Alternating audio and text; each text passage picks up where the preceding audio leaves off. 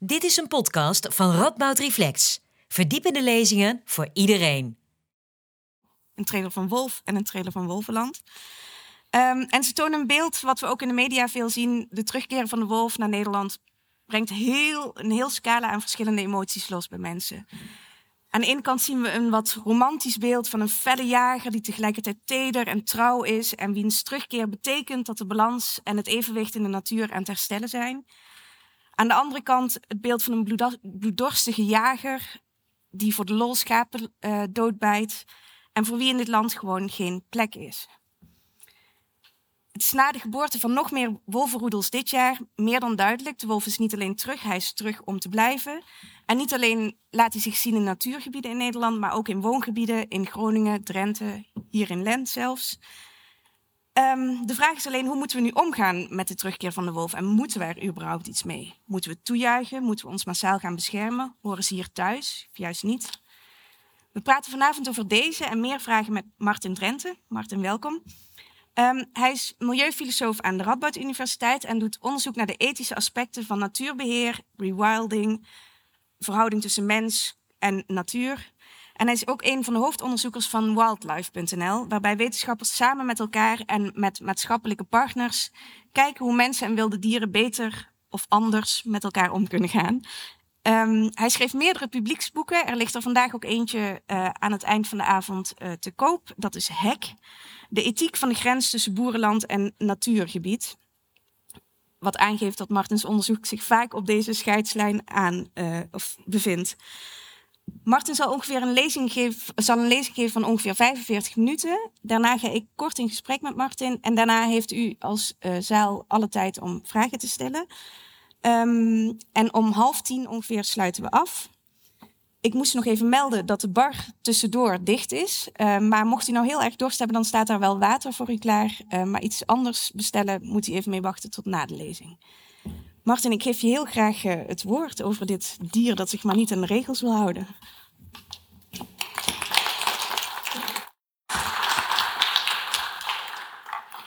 Dankjewel, uh, Maite. Uh, leuk om hier te zijn. Leuk dat jullie hier allemaal zijn. Um, ja, de wolf, we zagen de film zo net al. Verschillende beelden van de wolf. Heel veel emoties rondom de wolf. Die komt en Nederland worstelt met die wolf. En er is heel veel kranten staan er bijna dagelijks over vol. Um, het is moeilijk om overeenstemming te brengen. Er is een nationaal debat aangezegd door de minister van, uh, van Natuurbeheer. De Raad van de Dieren aangeleden gaat dat, gaat dat organiseren. Uh, want we moeten iets met die wolf en we weten eigenlijk niet zo goed wat. En uh, nou ja, daar wil ik het vandaag over hebben. En misschien is het beste plek om te beginnen met wat die wolf teweeg brengt in ons land specifiek. dit. Wij beschouwen ons Nederland als een cultuurlandschap. Dat horen we voortdurend. Nederland is niet zomaar een land. Het Nederland is wat we zelf gemaakt hebben. En dat zit vooral in, deze, in dit spreekwoord, waarvan de herkomst heel onduidelijk is. Uh, wordt wel eens aan Descartes en Voltaire toegeschreven. Dat schijnt niet waar te zijn. Uh, maar heel veel mensen herhalen dit voortdurend, ook met een zekere gretigheid. God schiep de wereld, maar de Nederlanders schiepen hun eigen land. Um, en dat, uh, dat zegt iets over wat voor soort land we zijn. En dat zegt eigenlijk ook al meteen wat de context is waarbinnen zo'n wolf dan vervolgens binnenkomt lopen. Want dit is Nederland. Nederland is een maakbaar land, of is een gemaakt land. Uh, en dat, uh, dat, dat hangt niet alleen maar af van de inpolderingen en de deltawerken. Maar uh, onze hele cultuurlandschappen laten de hand van de mens zien.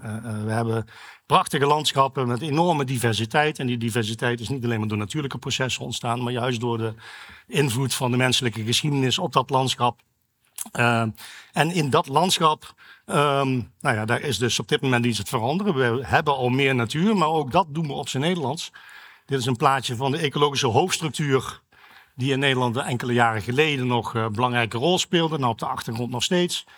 Ook de, ook de natuur in Nederland wordt plantmatig benaderd met plaatjes zoals je die hier ziet, met plaatjes waarin duidelijk wordt waar de ecologische verbindingszones moeten, welke natuur op welke plek hoort.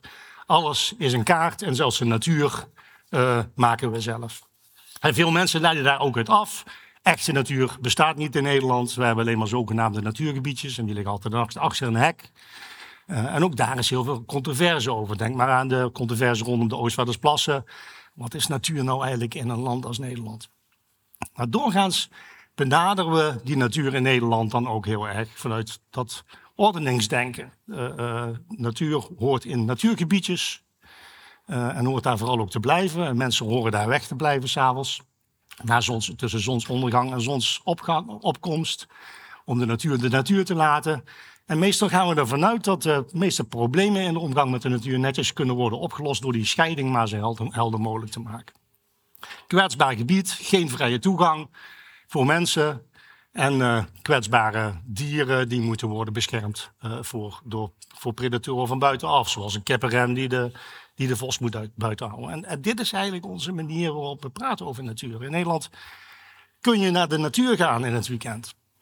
En dan meestal combineer je dat met een pannenkoekenhuis voor de kinderen. En daarna ga je weer weg van de natuur. En dan kom je weer in de stad of in het cultuurlandschap. En we praten, we zijn onszelf een beetje gaan wijsmaken dat dit de manier is waarop ons land eh, er is. En er zijn politieke partijen die zeggen er moet niet meer natuur bij of er moet minder natuur komen. En dan verwijzen ze naar natuurgebieden. Gebieden waar, uh, waar mensen weg moeten blijven op gezette tijden en waar dieren binnen moeten blijven, vaak met een hek of met een wildrooster. Netjes gescheiden, alles waar het hoort. En dan komt de wolf, die in één keer dwars door al die onderscheidingen heen loopt. Die niet netjes in natuurgebieden gaat zitten, maar ook uh, door het landschap heen loopt. Vaak over de stoep, vaak over de weg. Daar wordt hij gefotografeerd. Op industrieterreinen. Uh, een paar maanden geleden nog hier langs de Waalkade aan de overkant. Uh, een, een wolf die verdwaald raakte en verzeild raakte in een stad. Waarschijnlijk heeft hij hier niks te zoeken, wilde hier ook niet komen. Maar ondertussen loopt hij hier toch maar wel in een gebied waar mensen met kleine kinderen wonen. Um, en dat, dat leidt gauw tot angst. En toch ook tot verbazing. Dat vind ik eigenlijk het leukste van die wolf. Dat je, als je echt met mensen praat die een wolf voor het eerst hebben gezien, ze daar vaak op een hele typische manier over praten. En het mooiste voorbeeld daarvan uh, uh, is een uh, filmpje wat ik u even wil laten zien uit 2015. Een van de eerste wolven, de wandelwolf werd hij ook, wordt hij ook wel genoemd, die vanuit Duitsland Nederland binnenkwam. een paar dagen geleden, daarvoor kreeg ik een telefoontje van een Duitse collega die zei van... er is een wolf naar jullie onderweg, let maar op. Het is een rare wolf, hij laat zich zien op plekken waar de meeste wolven wegblijven. En uh, inderdaad, deze wolf ging door, door Groningen en in het dorpje Kolham werd hij gefilmd door mensen vanuit een auto. Kijk maar even. En luister vooral ook.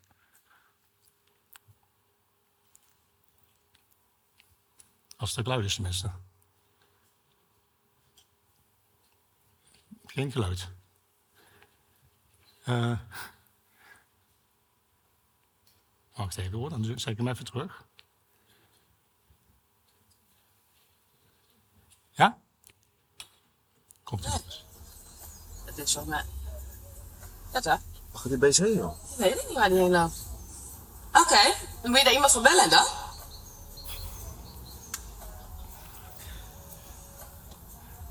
Oh, maar hier in Hoge Zand? Dit is toch een wolf? Ja. Ja, dit is echt een wolf. Ja, hier in Hoge Zand, ja, een wolf. Wat raar, dat beest hoort hier niet, maar uh, moeten we daar niet iemand voor bellen dan? Want in Nederland is er eigenlijk altijd, als het over natuur gaat, is altijd iemand verantwoordelijk. Er is altijd een natuurbeleidsplan wat, eh, wat, wat aanstuurt wat er moet gebeuren, of een natuurdoeltype. Uh, er is altijd een natuurorganisatie die, uh, die, die erover gaat en die er verantwoordelijk voor is. En hier komt in één keer die wolf waar niemand om gevraagd heeft, die zich van niks iets aantrekt. En in één keer door zijn dorpje loopt, tot grote verbazing van de mensen. Um, Helemaal verrassing was het niet. Ik zei al, ik, ik werd gewaarschuwd door een, door een Duitse collega. Want die wolven die waren er al een tijdje aan aan het komen. Dit is een kaartje uit, ik meen 2012, van Natuurmonumenten. Nog voor deze wolf uh, die je net in beeld zag, was al duidelijk. Ze zijn gewoon in, in, in opkomst. In Oost-Duitsland zit, een heel roedel. En die breiden zich langzaam westwaarts uit. En het is een kwestie van tijd voordat ze ook in Nederland zullen komen. Um, ik moet altijd lachen om deze, om deze plaatjes, omdat ik altijd moet denken aan die, uh, die, die kaarten van die landkaarten van, uh, van uh, generaals en andere strategen die de vijandelijke troepen in kaart proberen te brengen. Zo zal het niet bedoeld zijn, maar, maar het zegt misschien nog toch iets over de manier waarop we denken over zo'n wolf die eraan komt. Dit is de ontwikkeling van die wolf sinds 2010. Dan zie je dat ze vanuit Oost- Oost-Duitsland steeds verder deze kant op komen. Dit zijn de, de cijfers tot vorig jaar. De cijfers van dit jaar zijn nog niet bekend. Er zijn waarschijnlijk weer nieuwe welpen geboren, maar die, uh, dat weten we nog niet. We weten nog niet hoeveel, dus die staan het volgend jaar in deze illustratie. Maar je ziet dat er de wolven langzaam maar zeker, eigenlijk na de val van de muur en nadat besloten is in Europa dat wolven niet meer mocht, mochten worden bejaagd, zich langzaam uitbreiden uh, westwaarts door Europa en dus nu ook in Nederland zijn aangekomen. Ik geloof dat we inmiddels vijf, vijf à zes uh, uh, roedels hebben. met een slag op de dat kan een klein beetje anders zijn. Um, om te laten zien hoe opzienbarend dat is, dan is, is, is het goed om je te realiseren dat, uh, dat er in Europa op dit moment al twee keer zoveel wolven leven dan in de hele de Verenigde Staten als je Alaska niet meetelt. Uh, terwijl Europa twee keer zo klein is, twee keer zo dicht bevolkt, uh, leven die wolven hier wel. Dus dat geeft al iets aan dat we misschien op een andere manier moeten leren nadenken over wat er eigenlijk mogelijk is. Die wolven kunnen leven, kennelijk kan dat. Kennelijk kan dat als er een ieder geval de politieke wil is. Dat betekent niet dat het zonder problemen zal gaan. Maar het, uh, het geeft te denken dat die wolven hier zo, het, zo relatief goed doen. Maar het maakt, het maakt, wel heel veel uit waar zo'n wolf terechtkomt. Waar die opduikt. Uh, we hebben hier een, uh, twee plaatjes. De wolf die in een natuurgebied zich laat zien, die leidt bij deze boswachter tot de mooiste dag van zijn leven. Uh, dat is waar die wolf welkom is en waar die thuis hoort en waar die een ecologische functie kan spelen. Um, maar even verderop in het boerenland vrezen mensen die wolf. Uh, zijn mensen bang voor de wolf. Dit is een actievoerster die, die uh, sterk tegen de wolf is en vindt dat hij moet worden afgeschoten of in ieder geval verjaagd, zodat hij uit, uit Nederland wegblijft, omdat hij, dat, hij, dat hij hier niet past.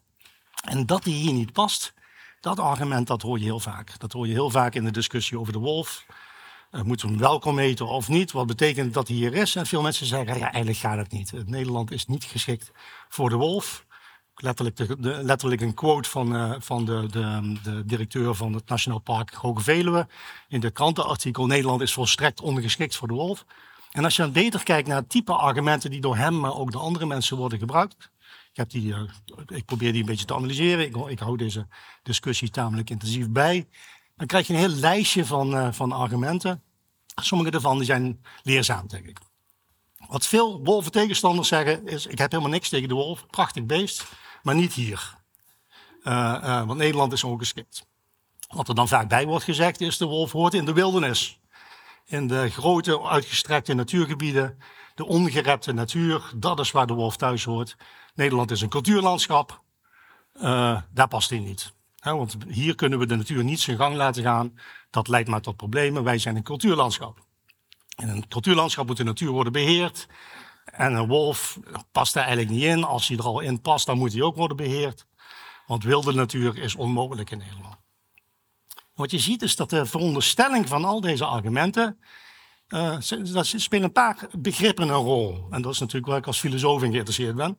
Een van die begrippen is dat dat woordje wilde natuur of wildernis, wat vaak in verband wordt gebracht met de, met de wolf. De wolf wordt gezien als een bewoner van de ongerepte wildernis of de echte natuur. En dan wordt vervolgens gezegd, nou, aangezien wij die hier niet hebben, we hebben een cultuurlandschap, past die wolf hier ook niet. Um, nou ja, dan zie je zo'n plaatje, of zo'n film, die, zo'n zo'n filmclip die je net zag, daar wordt dan ook op gereageerd door mensen die zeggen: oh ja, dat, die wolf die hoort je niet. Uh, een echte wolf zou nooit door zijn dorp, dorp komen. Uh, hij loopt over de stoep ook nog eens een keer, dus dat moet haast wel een half gedomesticeerd dier zijn, of een hybride tussen een wolf en een hond, of ontsnapt uit een dierentuin. Uh, tekenend was dat de dag erna de, Amerika de, de Engelse tabloid krant deze kop in de krant zette: terrifying footage of a wolf prowling city streets looking for its next meal. Alsof er een soort monster rondliep. Um, waar we voor op onze hoede moeten zijn. Uh, wat toch wel heel ver af is van uh, die opmerking van die mevrouw. Goh, een wolf hier in Hoge Zand, moeten we niet iemand bellen dan? Uh, dus de, je ziet dat daar allerlei beelden en emoties en, en schablonen mee gaan spreken zodra we het over die wolf hebben. Omdat die wolf een wolf een beest van de wildernis is. En dan wat is dan de discussie? Hoort hij hier thuis of hoort hij hier niet thuis? Nou, volgens uh, dit stuk in de Telegraaf hoort hij hier niet thuis. En veel mensen zijn het daarmee eens. Dit is een, een, een uh, opiniepeiling die gek genoeg, zo'n beetje elke, elke week zijn er twee of drie van die opiniepeilingen in Nederlandse kranten, waar dan 200 mensen op worden afgestuurd door actiegroepen voor of tegen de wolf. En dat wordt dan weer gepubliceerd als, een, als wat de Nederlanders vinden. Ik vind, vind dat een eigenaardige gewoonte. De wolf hoort niet meer thuis in de Nederlandse natuur, zeggen ze, zeggen ze dan. En dan komen er stevast anderen, in dit geval Wageningse wetenschappers, die zeggen: nee, jij hoort hier wel thuis. Uh, en er komen er ook nog meer, dus wend er maar aan.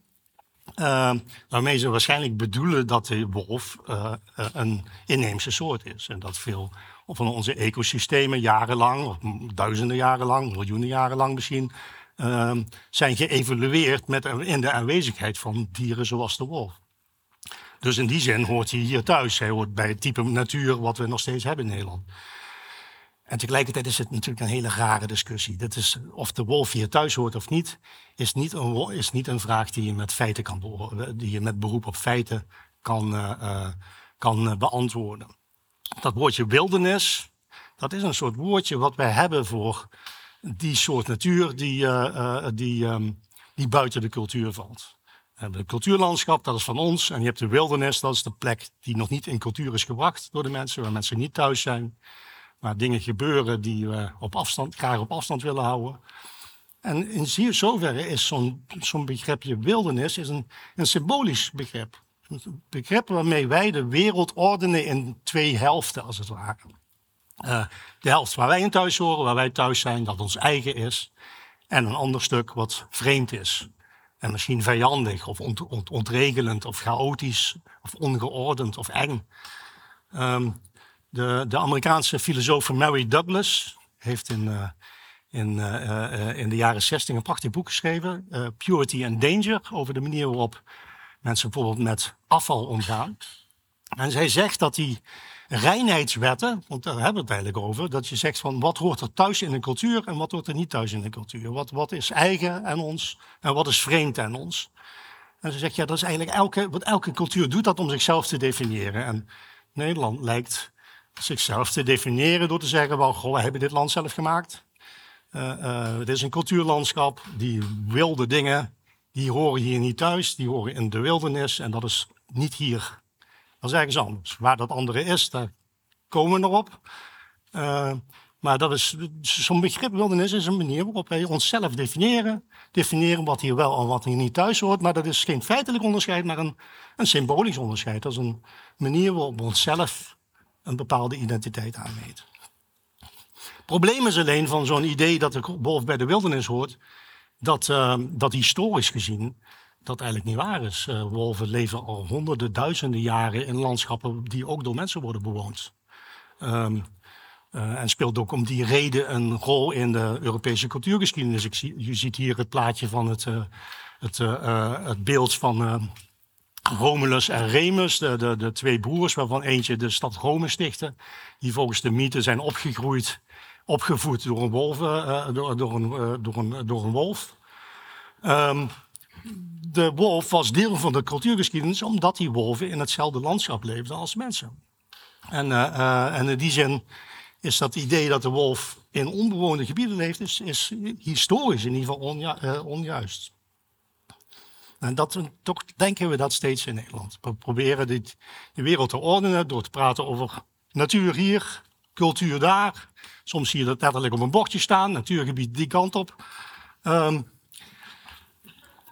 probleem bij een wolf is natuurlijk dat een wolf, u hoorde dat net ook in een van die trailers van de film, uh, honderden, misschien wel duizenden kilometers kan lopen in een paar weken tijd. Een wolf kan, kan 60 tot 70 kilometer lopen in een nacht. Doet hij niet elke nacht, maar dat kan hij wel. En als hij op zoek is naar een nieuw gebied, dan kan hij dat best snel doen. Dus wolven leggen enorme afstanden af. En gezien het formaat van de natuurgebiedjes in Nederland betekent dat vanzelf al dat hij niet in de, de natuur zal blijven zoals wij die hebben aangewezen. Wolven hebben een groot gebied nodig, zijn hartstikke mobiel, dus ze blijven niet in het natuurgebied, ze kleuren niet binnen de lijntjes. En ze zijn daarbij ook nog eens een keer flexibel genoeg om zich aan te passen aan, aan, aan wisselende omstandigheden en wisselende landschappen. Dus ze kunnen zich best goed redden in een landschap als er maar voldoende prooi is, wilde prooi of onbeschermde dieren, uh, onbeschermd vee. Als er een paar rustige plekjes zijn waar ze een jongen kunnen opvoeden en als er uh, als het s'nachts uh, donker genoeg is en stil genoeg is op sommige plekken om zich te kunnen verplaatsen. En dat, uh, dat blijkt in Nederland te kunnen, want anders zaten ze hier niet. Betekent ook dat, dat het idee dat we in Nederland wolfvrije zones zouden aan kunnen wijzen, wat je wel eens hoort, als een idee van ja, de wolf mag best in de Veluwe zitten, maar op deze en deze plekken moet hij wegblijven. Dat dat eigenlijk een illusie is, omdat je gewoon weet dat die wolf de volgende dag 60 kilometer verderop kan zijn. En hoe ga je dat doen? De conclusie eigenlijk van wat ik tot nu toe verteld heb, is dat die, dat, dat idee, idee dat je natuur en cultuur zo netjes uit elkaar kan trekken, alsof dat twee werelden zijn, dat dat eigenlijk niet werkt. Het landschap laat zich niet netjes scheiden in natuurreservaten en cultuurlandschap of plekken waar zij thuis horen en waar wij thuis horen. We delen dat landschap met andere soorten. Uh, dat doen we al, al lang, dat doen we al lange tijd. En vaak hebben we het niet eens in de gaten. Hè. Er zijn ook in deze zaal ongetwijfeld allerlei beestjes uh, die, uh, die ons zitten te bekijken. En zodra wij hier vanavond vertrekken, deze ruimte innemen. We zagen straks vanaf het terras hier nog een rat voor langs lopen. die leeft hier ergens. Hebben wij niet in de gaten, maar die leeft hier ook. En, uh, maar er zijn ook onschuldige voorbeelden natuurlijk. De koolmeesjes die iedereen zo graag in zijn tuin ziet. Wij delen, dat landschap met andere soorten. En, en ik denk dat wij ons dat niet voldoende realiseren in Nederland. Dat dat een van de problemen is waardoor we zo moeite hebben met zo'n wolf die zich niet aan al die grenzen houdt. Want het roept wel echt de vraag op. Kunnen we dat eigenlijk wel? Of zijn we daar eigenlijk toe bereid? Zijn we bereid om plaats te maken voor andere organismen in het landschap? En wat betekent dat dan? het is heel makkelijk om te zeggen, ik ben voor biodiversiteit, dus, dus, uh, dus die soorten moeten hier ook allemaal maar kunnen leven. Um, want het is duidelijk dat het niet vanzelf gaat, zeker bij die wolf. Maar moet zijn we bereid? Veel mensen zeggen, in Nederland kan het niet. Dat hebben we net gezien. Nederland is te dik bevolkt, te klein, te vol. Um, dieren de ruimte geven, daar heb je landschappen als deze voor nodig.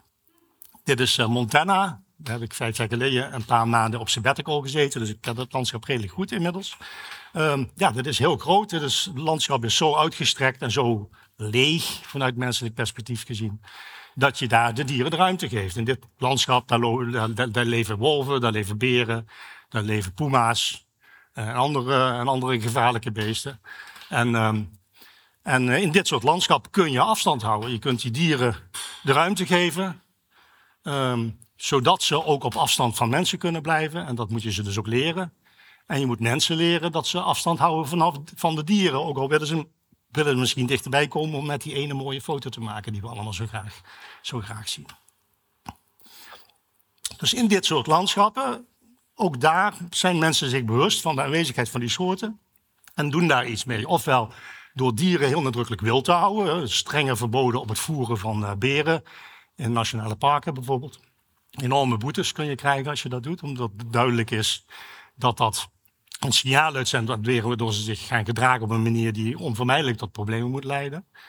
Uh, maar ook mensen leren, hou afstand. Dieren leren afstand te houden, mensen leren op afstand te houden. En als je die afstand hebt, dan, uh, dan kun je makkelijk samenleven. Dus je kunt zeggen, nou dat samenleven dat gaat hier, omdat mensen aan de ene kant een soort betrokkenheid met die dieren hebben. Zich bekommeren op dat, die, dat de wilde dieren wild kunnen blijven, zodat ze hun leven kunnen leiden. En tegelijkertijd ook een soort afstand, een soort besef van dat gaat eigenlijk alleen maar goed als ze elkaar op afstand houden. Nou, dit model, uh, dit model van de wildernis, dat werkt in Amerika tamelijk goed. Daar zijn ook een hele parken op ingericht die uh, proporties hebben die we ons in Nederland bijna niet kunnen voorstellen. Um, plekken waar de natuur de natuur mag zijn en waar de mensen alleen maar gast is en dan ook weg moet. Um, dus voor zover dat model al werkt, werkt het in Nederland niet. Want dit is het Nederlandse landschap. En als daar een wolf rondloopt, kun je zeggen, nou ja, uh, hier kun je niet zeggen, je kunt de, wolf de ruimte geven, want die ruimte is ook al door ons bezet. Dus dat betekent in Nederland over, zit er overlap tussen de ruimte die wij bewonen en de ruimte die die wilde dieren bewonen. Onvermijdelijk. Um, die scheiding die werkt niet. Uh, in ieder geval niet bij dieren als de wolf. Overigens is dat wildernisidee wel iets om te relativeren. Want ik liet net een plaatje van Montana zien en die oneindige ruimte. En denken we, oké, die beren die komen nooit mensen tegen. Maar ook op die plekken zijn er natuurlijk steden. En zijn er mensen, eh, wonen er mensen. Dit was een paar honderd meter bij mijn huis vandaan. Uh, de buitenwijk van Missoula. En daar staan bordjes bij mensen in de tuin die mensen eraan herinneren. Realiseer je wel dat je in berenhabitat woont. Realiseer je dat, uh, dat je moet uitkijken dat je je vuilniszakken niet te, niet te vroeg buiten zet. Want daar komen die zwarte beren op af. Uh, om, om te schooien. Zorg dat je je hondenbrokken niet op tijd niet, niet te vroeg in het schuurtje laat staan. Zorg dat je je appels op tijd plukt, zodat ze niet rot op de grond vallen. Want daar komen de zwarte beren op af en dat leidt tot problemen. Dus ook die ruime landschappen die anders zijn dan wij, uh, zijn landschappen waar mensen en dieren elkaar tegenkomen. Dat, dat, dat, dat vergeten we wel eens als we zeggen dat de wolf naar dit soort plekken moet worden gestuurd. Maar ook daar spelen dezelfde problemen, misschien op een andere schaal. Nou, hoe moet je dan wel samenleven in zo'n landschap? Um, ja, heel vaak doen we dat al. Bij delen landschap, ik wees net op die, uh, op die, uh, op die rat die hier rondloopt. Landschappen delen we voor een deel door de tijd te delen. Zo'n stad die er overdag zo uitziet, die ziet er s'nachts misschien zo uit. Als wij gaan slapen, dan komen dieren tevoorschijn en nemen de ruimte in die wij op dat moment voor ze overlaten. Ja, tijdens corona bleek dat ook. Veel nachtactieve dieren werden weer overdag actief. Ze waren eigenlijk alleen nachtactief omdat wij ze daar, uh, uh, daar, daartoe dwongen. En zodra ze de kans kregen, grepen ze ook weer dat landschap. Dus op deze manier delen we landschappen al. En ook met de wolf, want er zijn verhalen bekend van wolven die toevallig een radiozender om hadden. Die dwars door Nederland zijn gelopen zonder dat een mens ze gezien heeft. Omdat ze s'nachts nachts liepen op, op rustige gebieden waar niet iedereen met een telefoon in de aanslag zit om een foto te maken.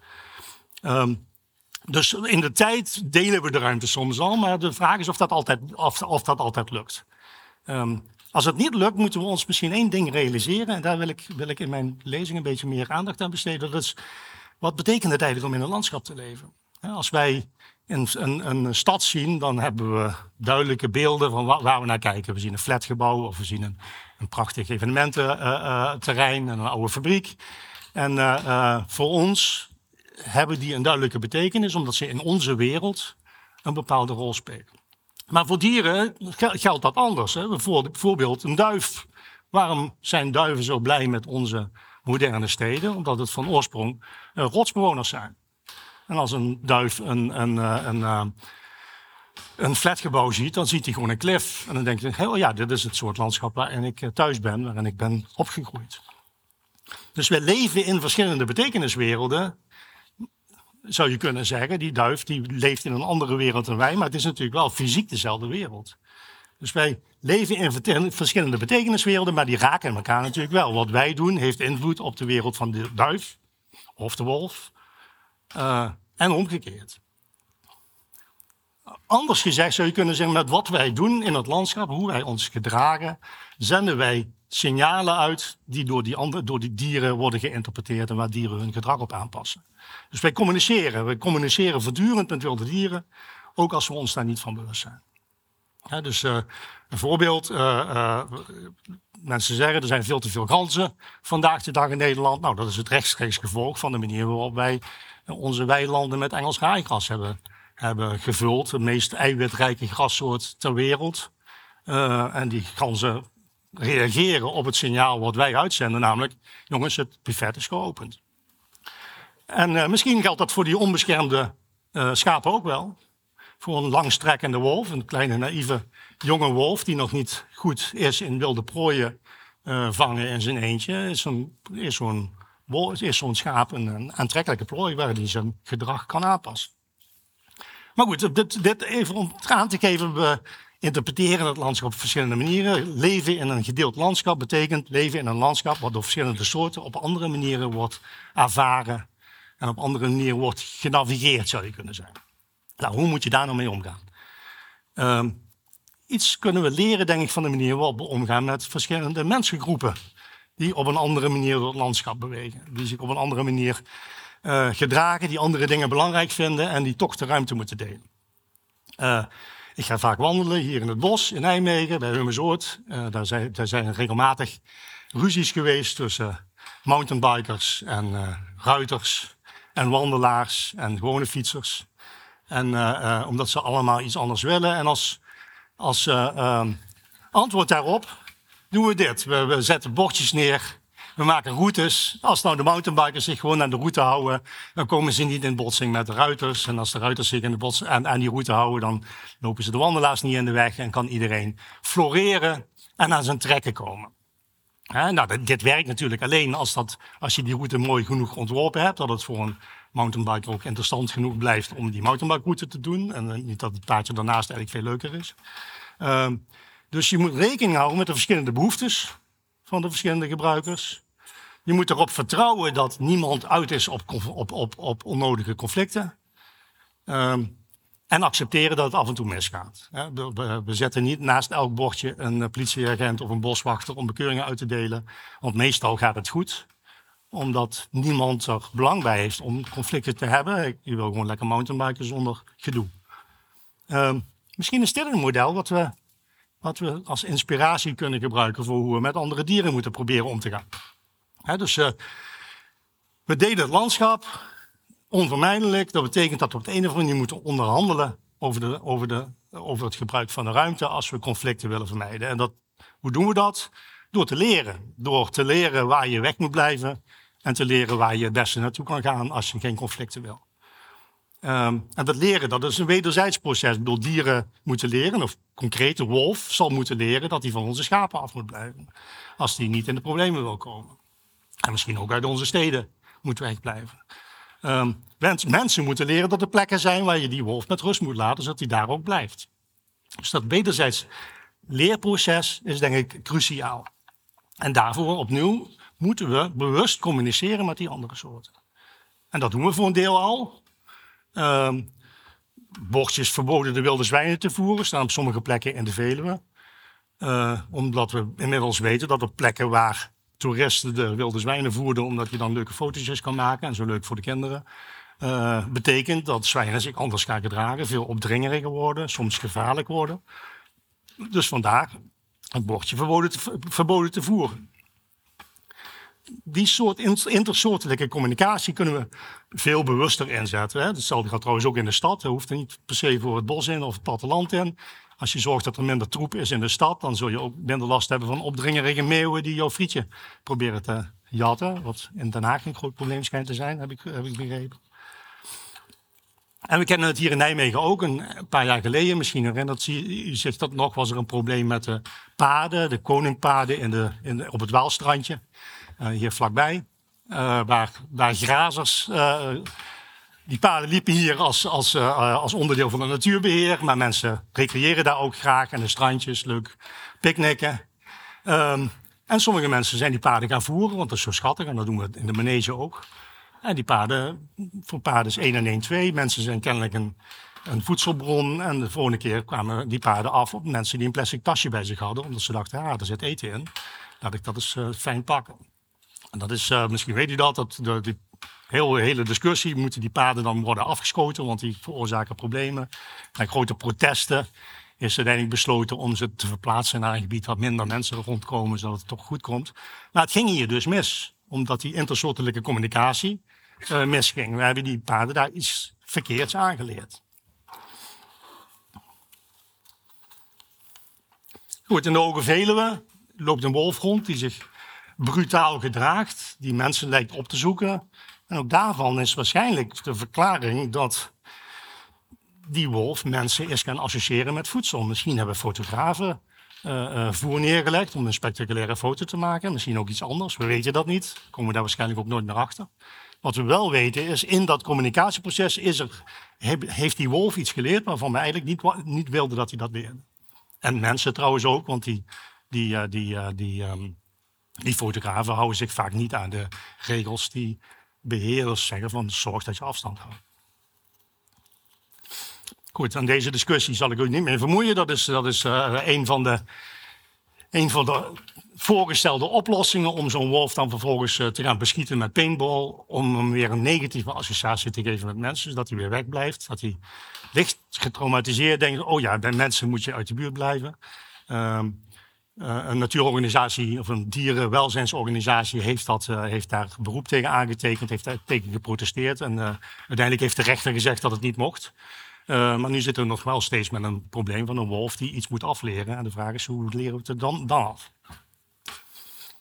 Maar goed, die intersoortelijke communicatie speelt een belangrijke rol, juist omdat er geen strikte, geen strikte grens is tussen cultuur, landschap en natuur. Zolang je bezig gewoon netjes in een natuurgebiedje zeggen, heb je dit niet nodig. Hè? Dan is er een hek, zij zijn daar, wij zijn hier en we hebben niks met elkaar te maken.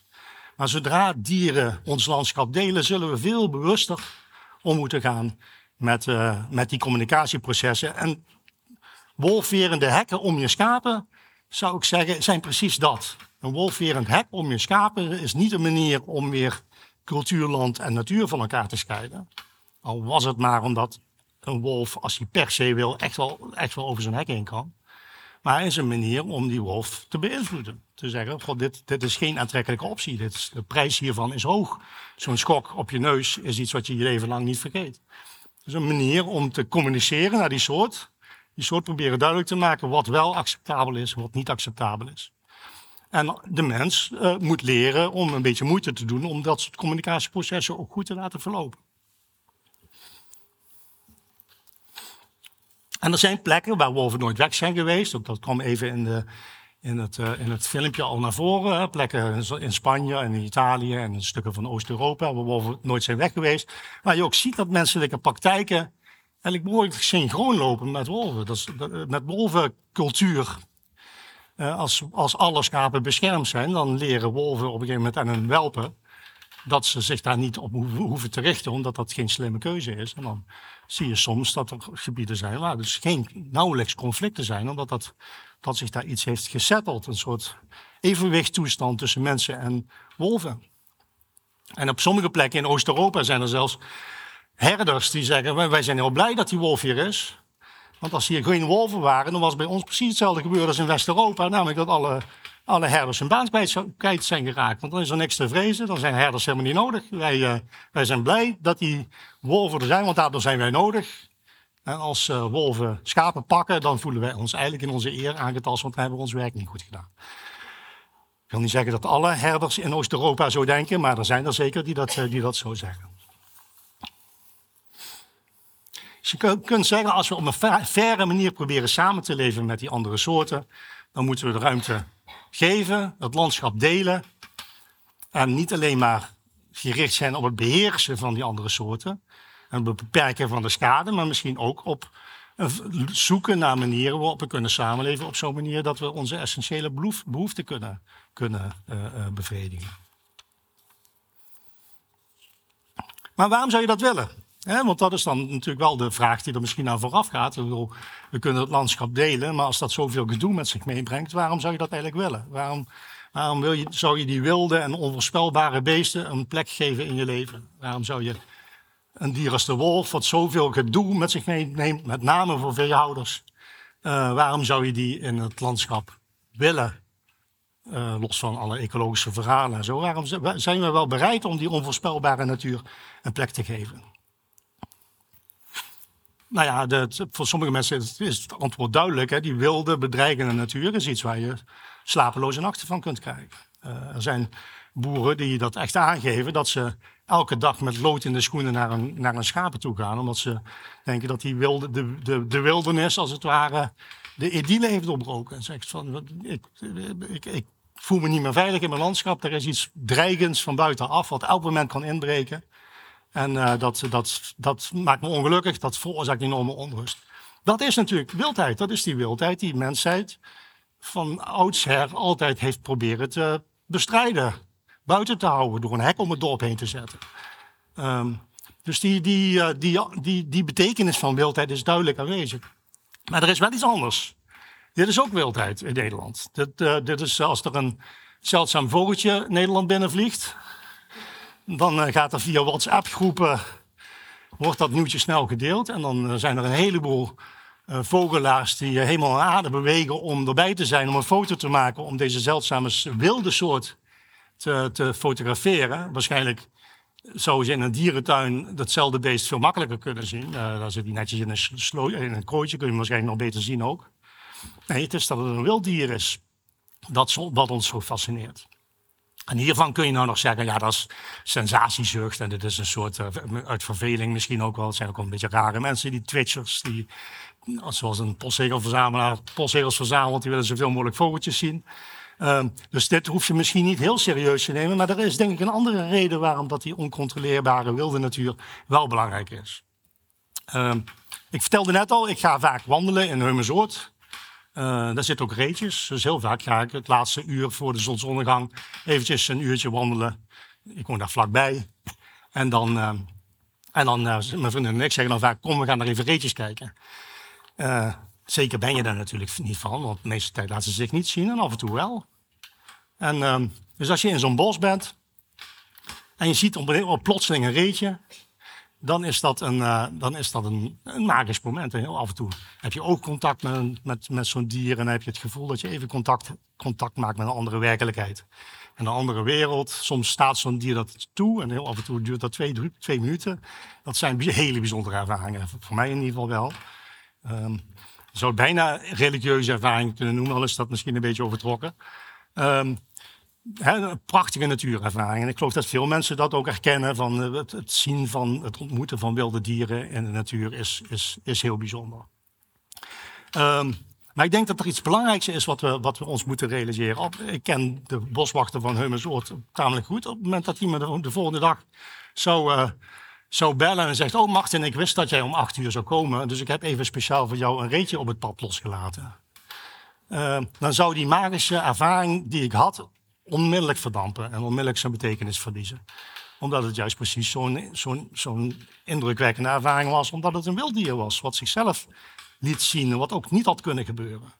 Er is niemand die dat beest aan het lijntje had. Of uh, die kon er die klok niet op gelijk zetten, ook al hoop ik iedere keer een treetje te zien. Uh, nee, de wilde natuur is ongecontroleerd. En die oncontroleerbaarheid zelf is dus kennelijk ook een voorwaarde voor een bepaald soort diepere ervaring die we kunnen hebben van natuur. Uh, een diepere natuurervaring die dus, ja, die dus afhankelijk lijkt te zijn van de, van, de, van de oncontroleerbaarheid van de natuur. Dus ja, de oncontroleerbare natuur is heel vervelend op het moment dat jouw belangen op het spel staan.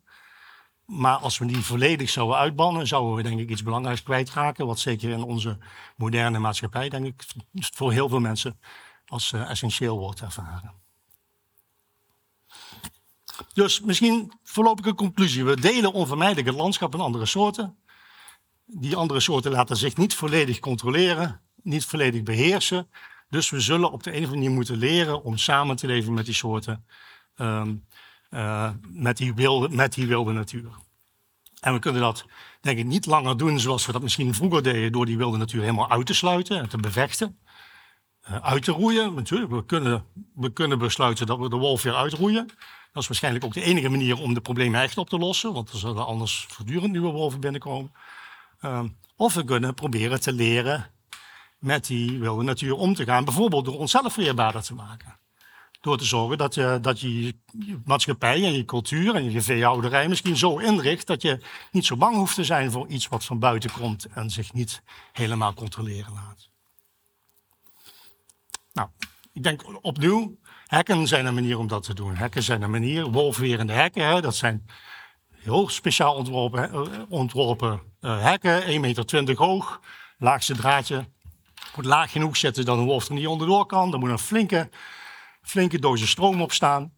En dan leert de ervaring dat de meeste wolven zich daardoor laten afschrikken en dus je, onze schapen beschermen. Daarmee maak je je, je, je, je je, je, je cultuursysteem weerbaarder, als het ware. Nou, gelukkig zijn er vrijwilligersgroepen die, uh, die boeren die aanbieden om boeren daarmee te helpen. En het voordeel daarvan is dat het niet alleen maar licht werk is en dat er onbetaalde arbeid uh, wordt verricht. Want uh, hekken bouwen is veel, veel tijd en dat tijd is geld voor een, voor een professionele schapenboer. Ehm, maar misschien ook wel dat daar vriendschappen ontstaan, waarin stedelingen die het belangrijk vinden dat de wolf hier kan leven, ook weer contact krijgen met de, met de mensen voor wie die wolf vooral een, eh, een kopzorg is. Ehm, dat we weer samen kunnen proberen te, te, erachter te komen, hoe doen we dat ook alweer? Hoe, moeten we, hoe moet dat samenleven precies? Um, en hoe kunnen we ervoor zorgen dat de mensen die de zwaarste lasten dragen, dat die voldoende ondersteuning krijgen van de rest, die het zo belangrijk vindt dat biodiversiteit terugkomt. Dus we moeten ons realiseren dat betekenis de betekenis van dat samenleven met wilde natuur wel degelijk afhangt van waar je woont. Ik heb makkelijk lullen hier in Nijmegen in, uh, in, in, in, het centrum. Ik zal niet gauw een, uh, bedreigd worden door een dier als de wolf. Want, maar als je een stukje verderop schapen houdt, is dat anders. dat lands, dan heb je een andere plek in dat landschap, wat dat landschap waar we met die soorten delen. Dit is een, um, een voorbeeld van zo'n van zo'n wolvenhek. Dit is geplaatst door de vrijwilligers van Wolf Fencing Nederland. Die hebben dat gedaan bij, bij de uh, bij de schapenboer die hier in het midden staat, Gijsbert Six. En die, die werd geïnterviewd in de krant.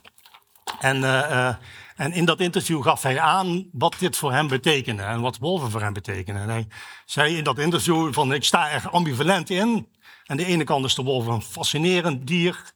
En aan de andere kant dood hij schapen en ook niet zachtzinnig. Dat heb ik zelf gezien en het is best een hard gelach als het jou als schaaphouder overkomt. Aan de andere kant hebben wij duizenden jaren lang alles uitgeroeid wat in de, in de weg stond. En uh, moeten, we niet, moeten dat dan ook doen met de wolf?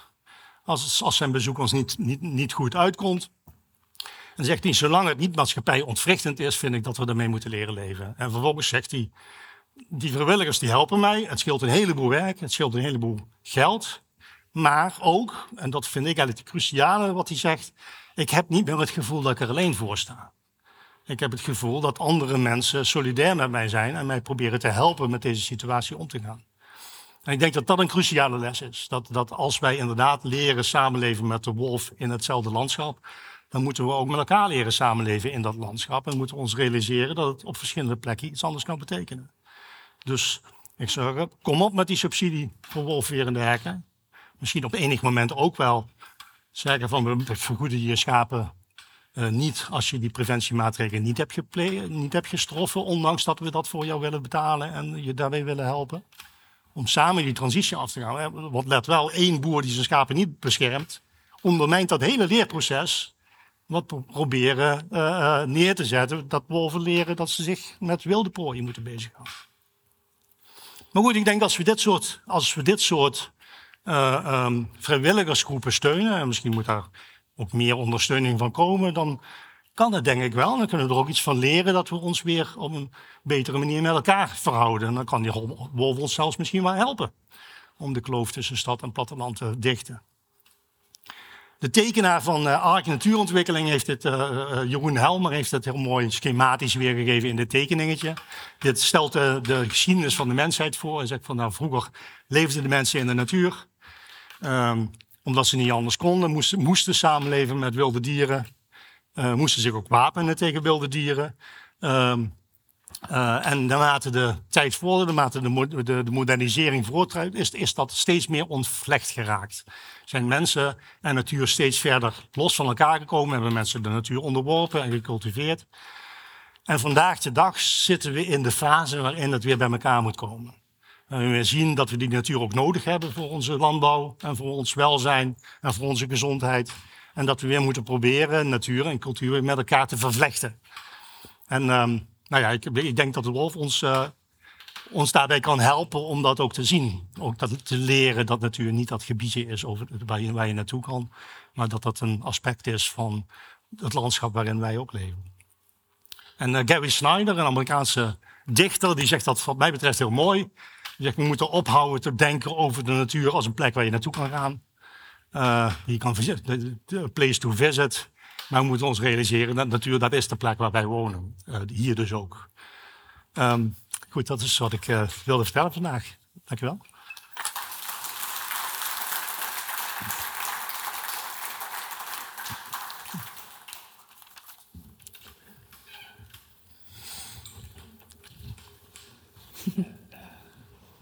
Dankjewel, Martin. Um, ja, eigenlijk een heel genuanceerd verhaal. En uh, daar, daar ga, ik, ga, ik, je meteen mee pesten, natuurlijk. Um, want je zegt eigenlijk, ja, dit is een symbolisch onderscheid, um, geen reëel onderscheid. We moeten samenleven, we moeten leren, we moeten delen. In hoeverre is dat ook jouw perspectief als stadse, je noemde het zelf net, we kunnen het makkelijk zeggen vanuit de stad, mm. als stadse denker? En is, maakt het een boer, een schapenboer iets uit of het een symbolisch of een reëel onderscheid is? Um, nou ja, twee dingen. Als stadsbewoner ben ik me er heel erg van bewust dat er van alles leeft. En ik, ik heb tegenwoordig ook een wildkamer in mijn tuin. Dat raad ik iedereen aan. Dan, dan realiseer je, als je een tuin hebt tenminste, eh, dat, er, dat er van alles leest wat zich aan onze blik onttrekt. En dat is een fascinerend in, in, inkijkje, omdat je dan ook in één keer zegt... wij- zijn niet de enigen die dit landschap gebruiken. We zijn niet de enigen die kijken. Eh, het is ook wel interessant. Ik weet, jagers zijn zich er heel erg van bewust. Van, eh, wij, praten heel vaak over de natuur als iets waar je naar kijkt. Maar daar kijk ook van alles terug.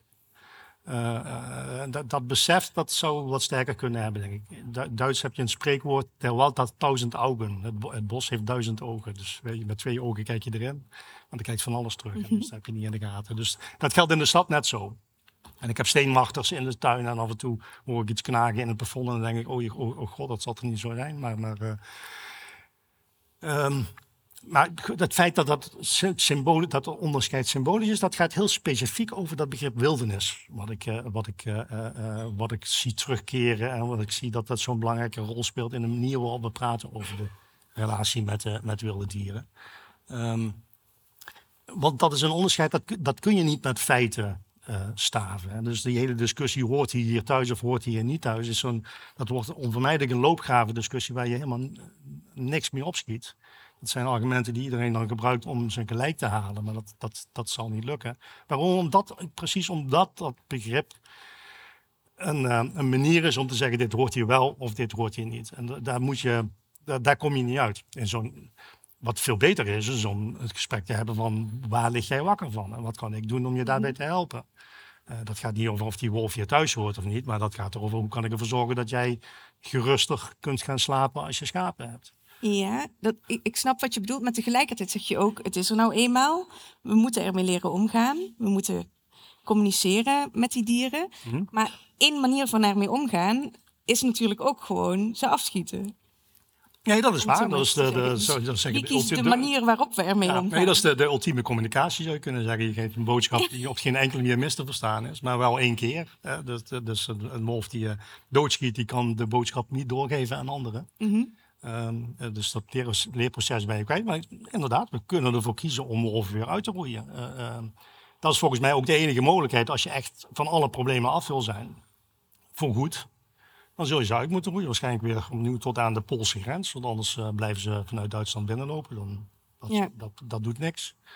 Um, maar de vraag is of het, of een, of verstandige of een uh, strategie is, of dat het ons iets, iets, iets oplevert. We weten ook dat die, die soorten heel veel functies hebben. Uh, uh, we hebben veel roofdieren um, uitgegroeid in het verleden, in het platteland. En vervolgens kregen we muizenplagen. omdat die roofdieren wel degelijk een functie hebben in, in, in zo'n evenwicht. En ik denk dat steeds meer mensen zich daarvan bewust zijn. Je ziet het ook in verdragen.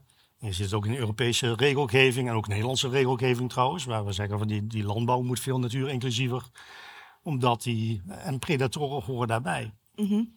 um, wat niet wil zeggen natuurlijk dat we geen grenzen kunnen stellen. Uh, uh, niemand wil, ook de meest, de meest vervente wolvenknuffelaar wil niet dat wolven zich aan kinderen vergrijpen.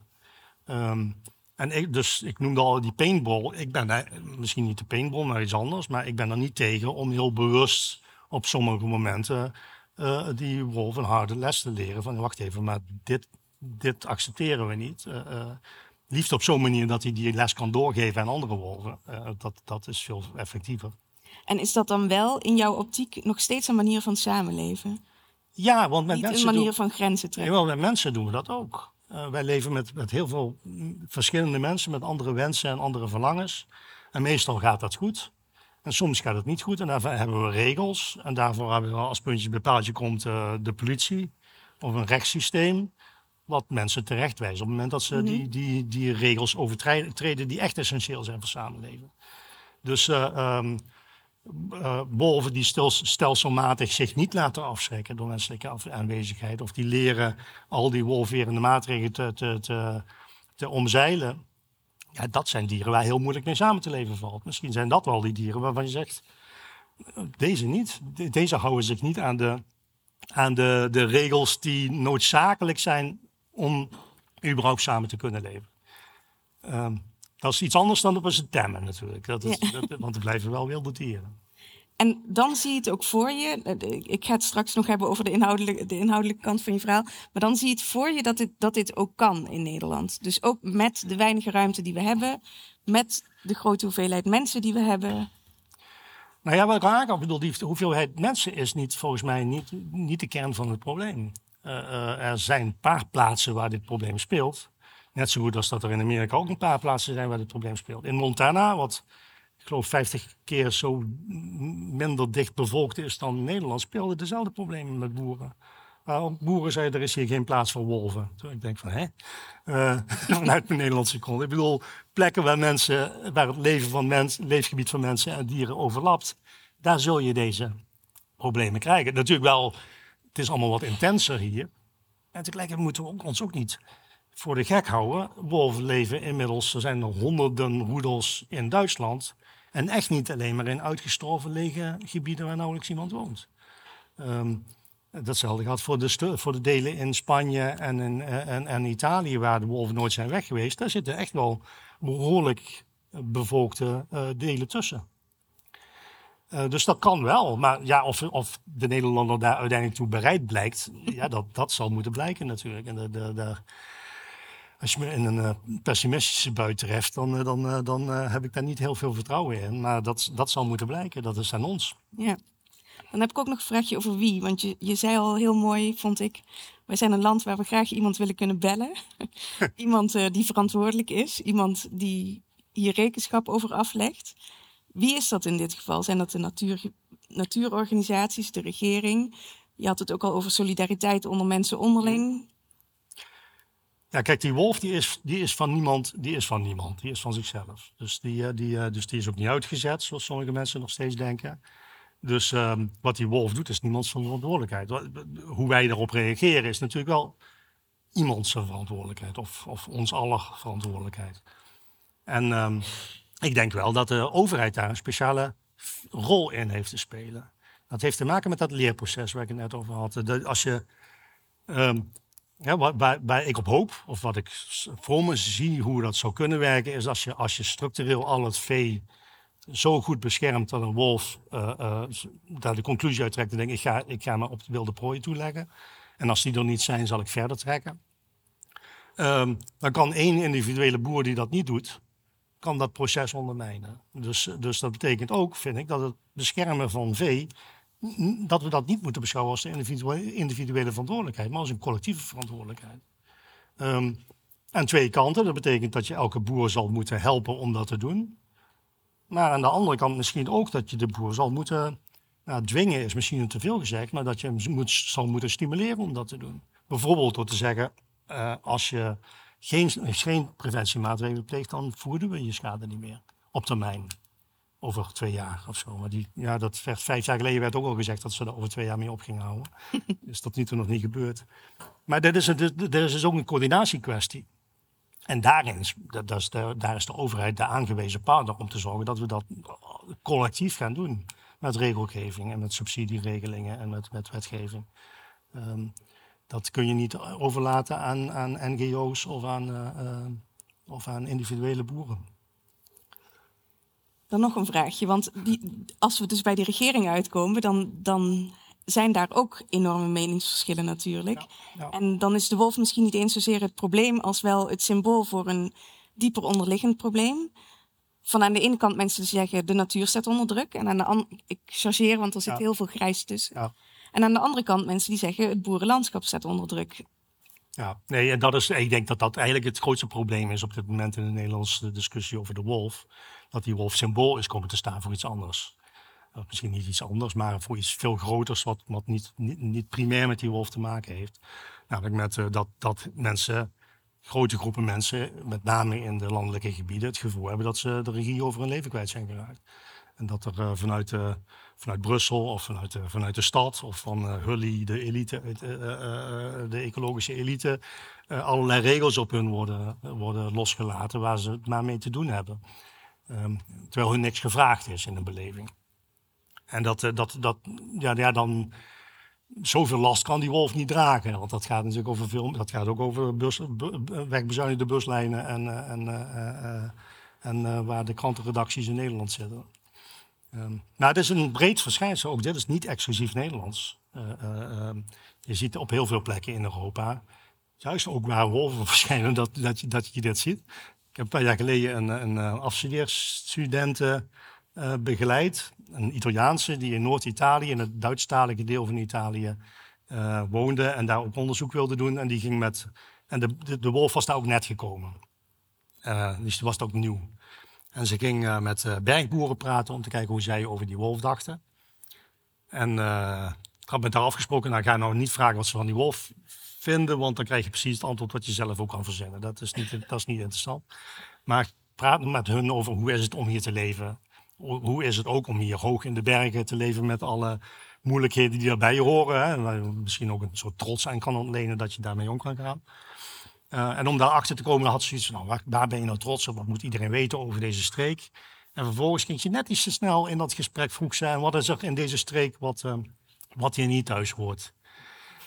en toen zeiden bijna al die boeren, die zeiden vluchtelingen, de macht van Rome, de macht van Brussel en de wolf.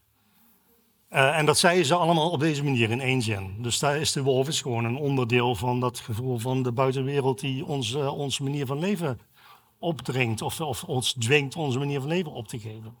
Er waren twee boeren, grappig genoeg, eh, boerinnen, die wel voor de wolf waren. En toen ze vroeg waarom dan, zeiden ze omdat we niet willen dat de populisten deze debatten ook winnen.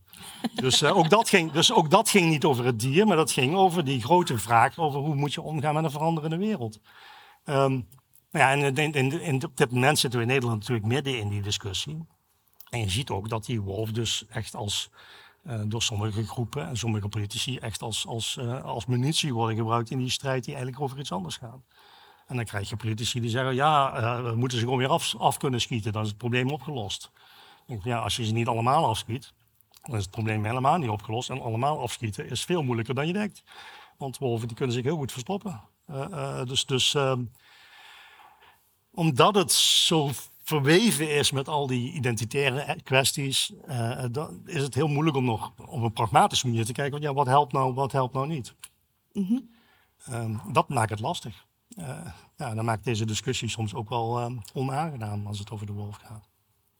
En misschien kun je ook nog, ja, we hadden tijdens de voorbespreking ook even over jouw werk dat je hierin doet door met beleidsmakers te spreken hierover. Mm -hmm. Misschien is dat wel leuk om daar even iets over te vertellen. Um, dat er wel degelijk heel veel interesse is naar jouw boek Hek ook. Ja, ja. Um, maar ook dat onderscheid tussen natuur, cultuur um, en wat we daar als beleidsmakers eventueel van kunnen meenemen. Wat, wat ik van veel beleidsmakers hoor is dat ze, dat ze een soort onvrede hebben met het begrippenkader waarin ze eigenlijk vanzelf moeten werken, omdat ze aan allerlei uh, nota's en regelgeving vastzitten. En dat ze er heel veel behoefte aan hebben om eigenlijk even een stap terug te zetten. Want wat doen, wat, waarom doen we dit nou eigenlijk? In mijn boek Hek probeer ik te laten zien dat bijvoorbeeld de discussie tussen mensen die de natuur in gang willen laten gaan, of de mensen die juist vinden dat we alles moeten, moeten beheren en moeten regelen, uh, of de mensen die zeggen, ja dat zal allemaal wel, we moeten ook nog voedsel kunnen verbouwen, dat daar, dat daar morele ervaringen onder zitten, die, uh, die eigenlijk voor iedereen aan te voltrekken zouden zou moeten zijn. En dat, dat is een discussie waarin het soms lijkt alsof je moet kiezen tussen rewilding of cultuurnatuur of uh, boerenproductieland. Alsof daar een soort, uh, waar dan grote kloven tussen bestaan. Dat door weer naar die morele ervaringen terug te gaan, je dat gesprek weer met elkaar kunt voeren. Dat iemand zegt van ja, dan zegt de rewilder van ja, ik wil de natuur zijn gang laten gaan. Maar als ik overal alleen maar brandnetels zie, dan, dan snap ik ook dat ik moet ingrijpen. Of dat de natuurbeheerder die, uh, die uh, voortdurend loopt te maaien en te, en, en te, en te plaggen om, uh, om de heide te laten zoals die is. Um, die zegt op een gegeven moment ook, ja nee, maar als het op, als het op tuinieren begint te lijken, dan doe ik iets verkeerd.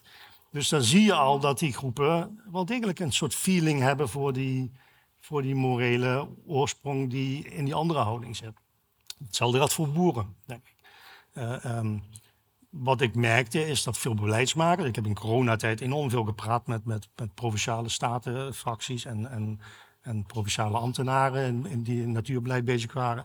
Dat die een enorme behoefte hebben aan die verdiepingsslag. Om wat, meer, wat, wat minder in de technocratische regelstand te gaan en wat meer weer terug te gaan van ja, wat staat hier eigenlijk op het spel in deze, in deze relaties. En dan hoef ik ze niet te vertellen wat ze moeten doen, want meestal weten ze dat al lang. Um, maar probeer ik ze helder te maken, wat is, wat is het probleem nou eigenlijk waar je, waar je voortdurend in verwikkeld zit. En daar, ze daar een, een wat breder perspectief op te geven. En dat doe ik met dat wolvendebat ook. Uh, ik bedoel, Ik heb als, als persoon heb ik wel zo mijn mening over de wolf. Maar, maar wat ik probeer te doen is als filosoof dat te, te, een diagnose te stellen van ja, hoe praten we erover en, en, en hoe zouden we op een andere manier erover kunnen praten. Uh, en dan kan het, zullen er nog steeds mensen zijn die zeggen het is een klote beest. en dat snap ik heel goed. Nou, dat we het allemaal eens gaan worden, wordt, is misschien. Eens worden is te veel. Ja. Dat, uh, um, Martin, bedankt voor je verhaal en voor het aanbrengen van zoveel nuance in een toch wel zeer gepolariseerd debat. Um, ik wil jullie allemaal bedanken voor jullie komst en jullie bijdrage. Als je geïnteresseerd bent in het boek van Martin, ligt het daarachter op de boekentafel van Dekker van de Vecht. En je kunt nog lekker wat drinken en napraten. Martin blijft ook nog even. Dus als je nog vragen hebt, dan kan dat. Bedankt.